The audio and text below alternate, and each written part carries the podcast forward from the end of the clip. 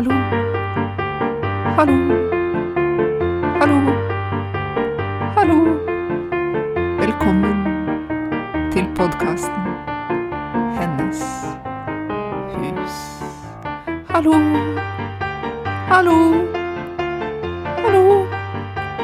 Hallo. Velkommen til podkasten Hennes hus.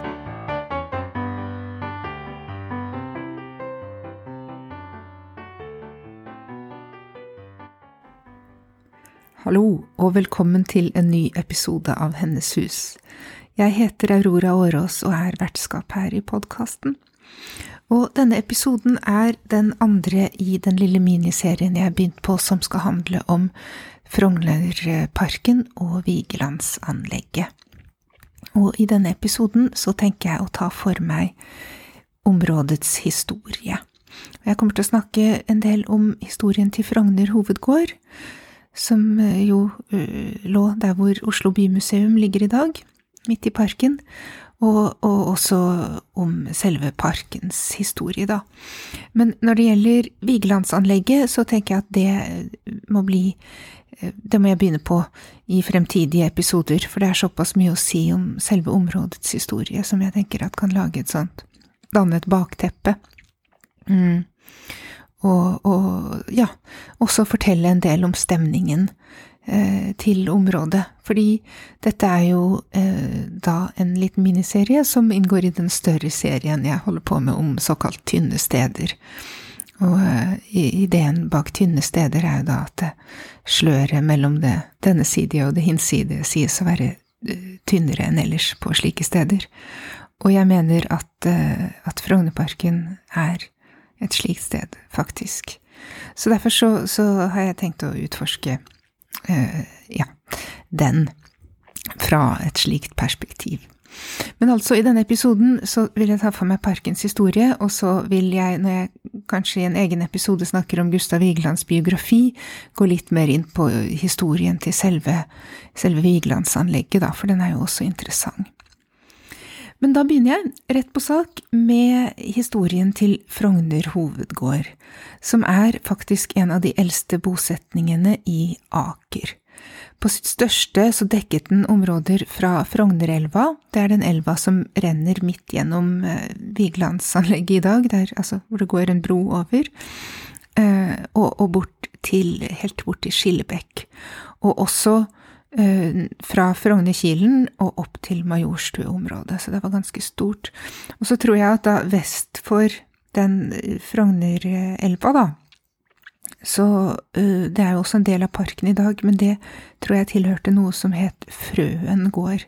Frøen stasjon er jo Er det stasjonen etter Majorstua, da, på, på den Frognerseterbanen? Ja, det ligger i hvert fall der. Og, og ja, de, den ble innlemmet i parken på et tidspunkt. Ehm, men altså, tilbake til, til Frogner hovedgård.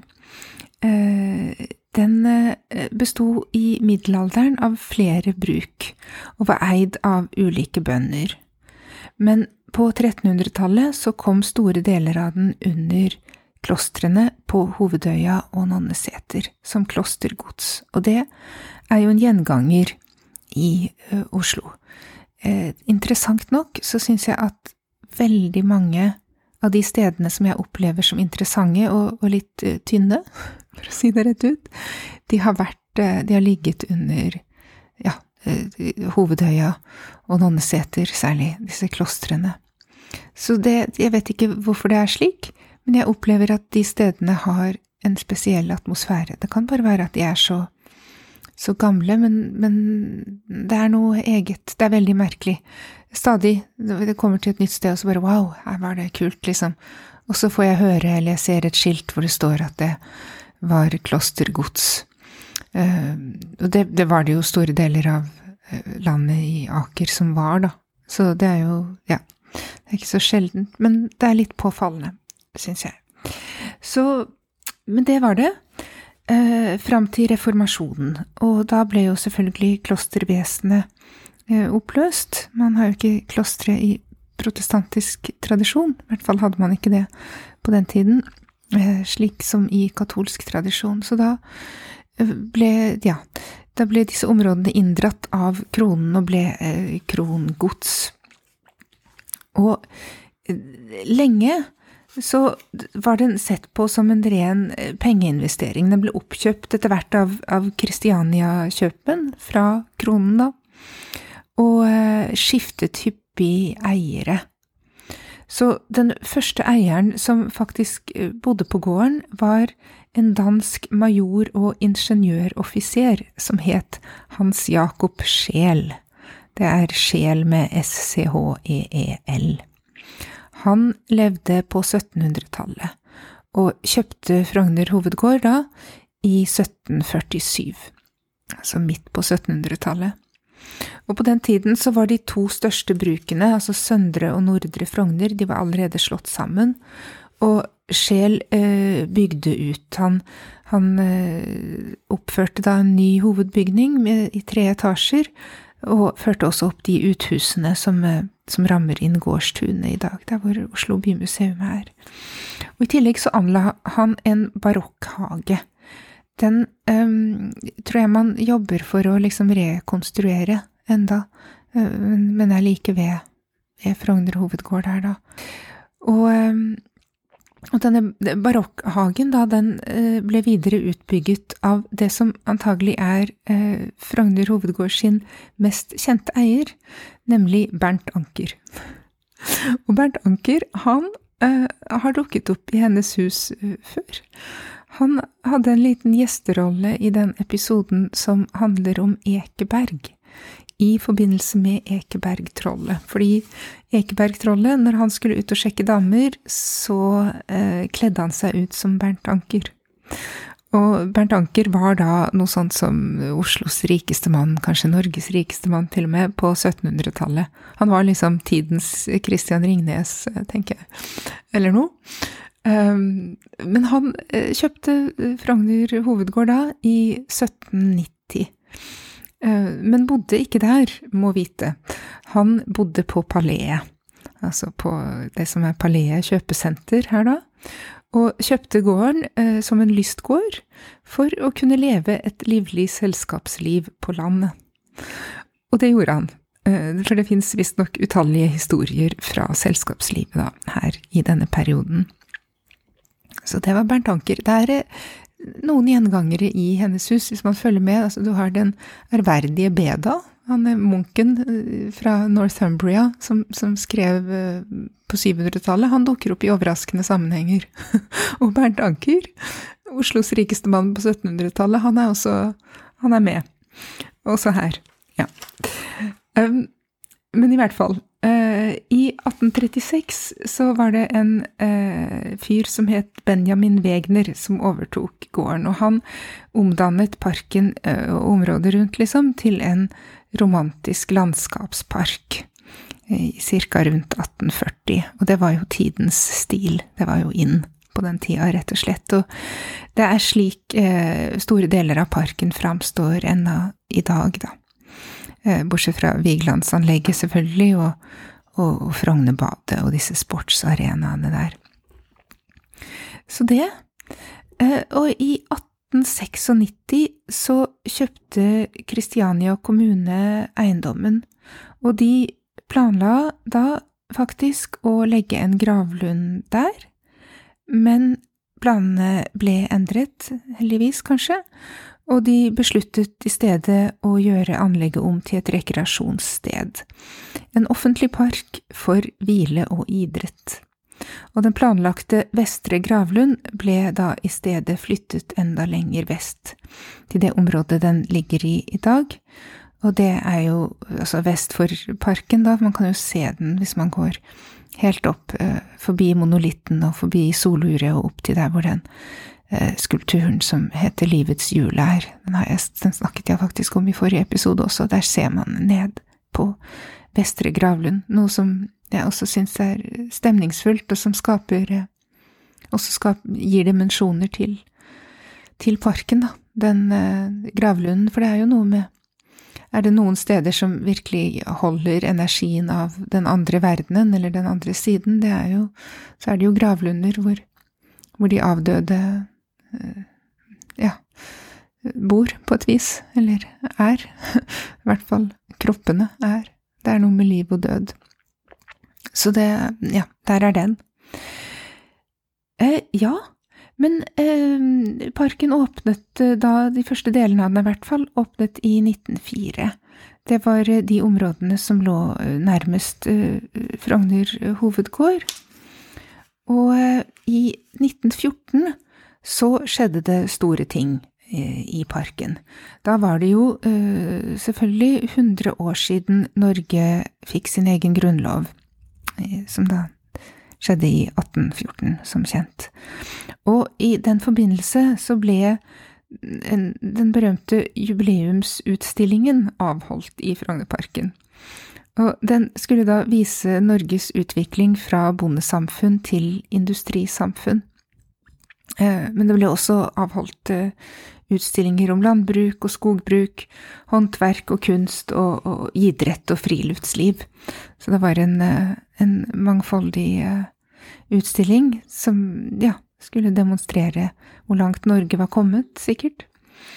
Og den hadde faktisk, altså dette er i 1914, og den hadde 1,5 til 2 millioner besøkende.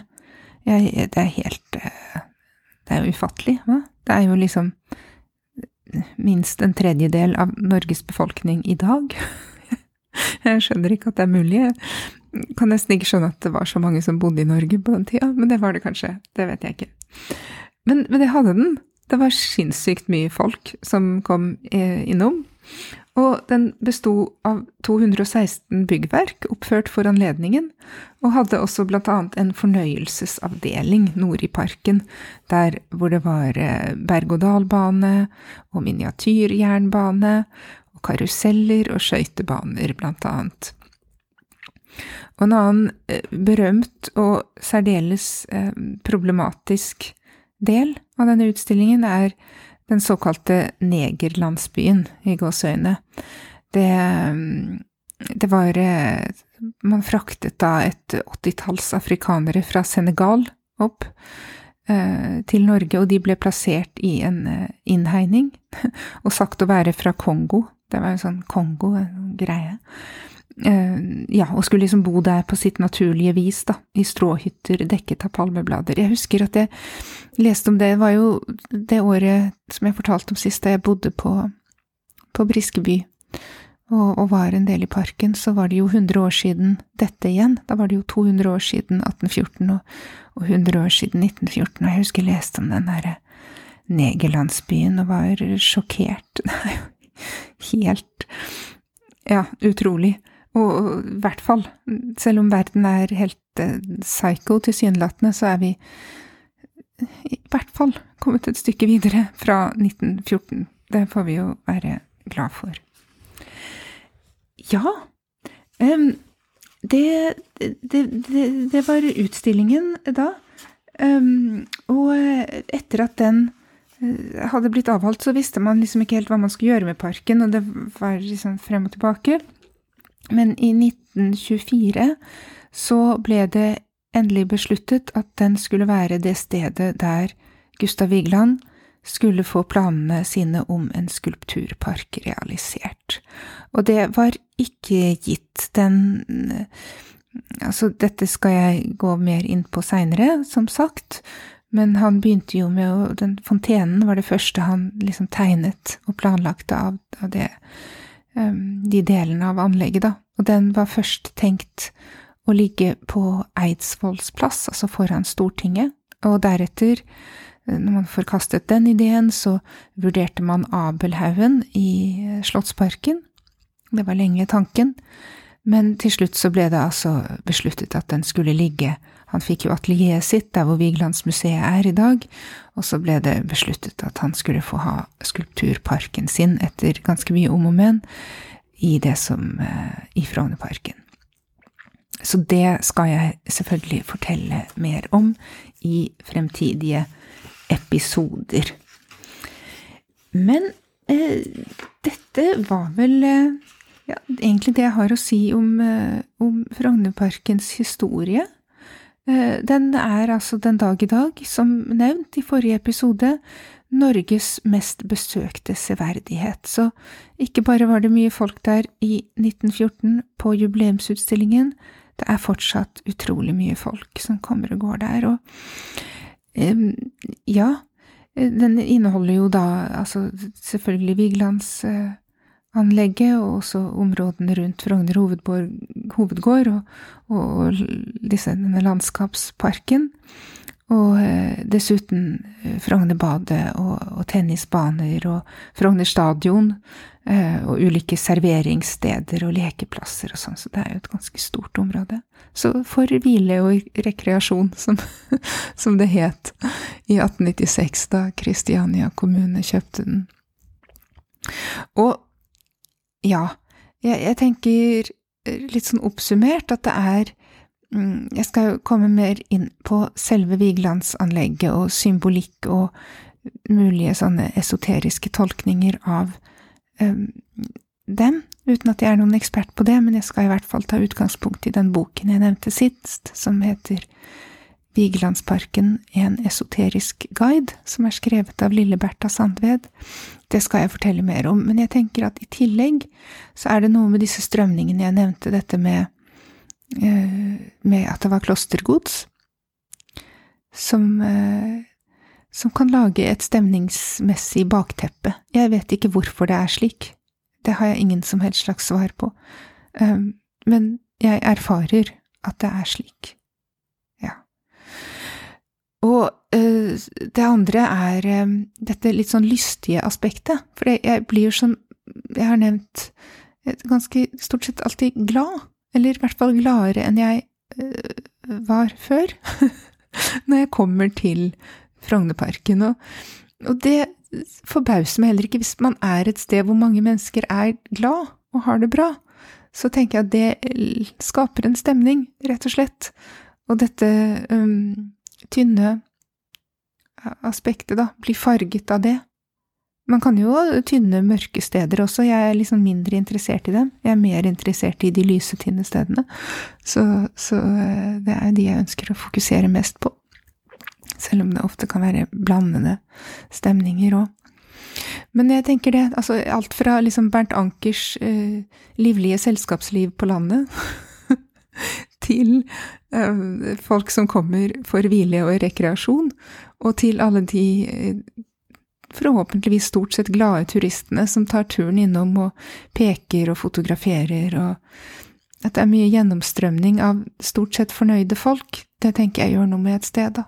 Så jeg tenkte jeg ville bare, ja, oppsummere slik, og, og relatere de delene av historien som eh, som jeg syns uh, man kan gjøre det med, til dette med tynne steder. Ja. Det var det for i dag. Da avslutter jeg, og så kommer jeg tilbake eh, med flere episoder i denne serien. Jeg tenker at jeg først eh, skal snakke litt om Gustav Vigeland i neste episode, og så eh, gå løs på de mer esoteriske sidene av parken. Så godt jeg kan. Ok, tusen takk for i dag. Som alltid er det bare å ta kontakt hvis dere har kommentarer, innspill, ideer, korrigeringer, spørsmål. Ja. Si hallo, så skal jeg si hallo tilbake. Ok, men nå adjø. Ha det.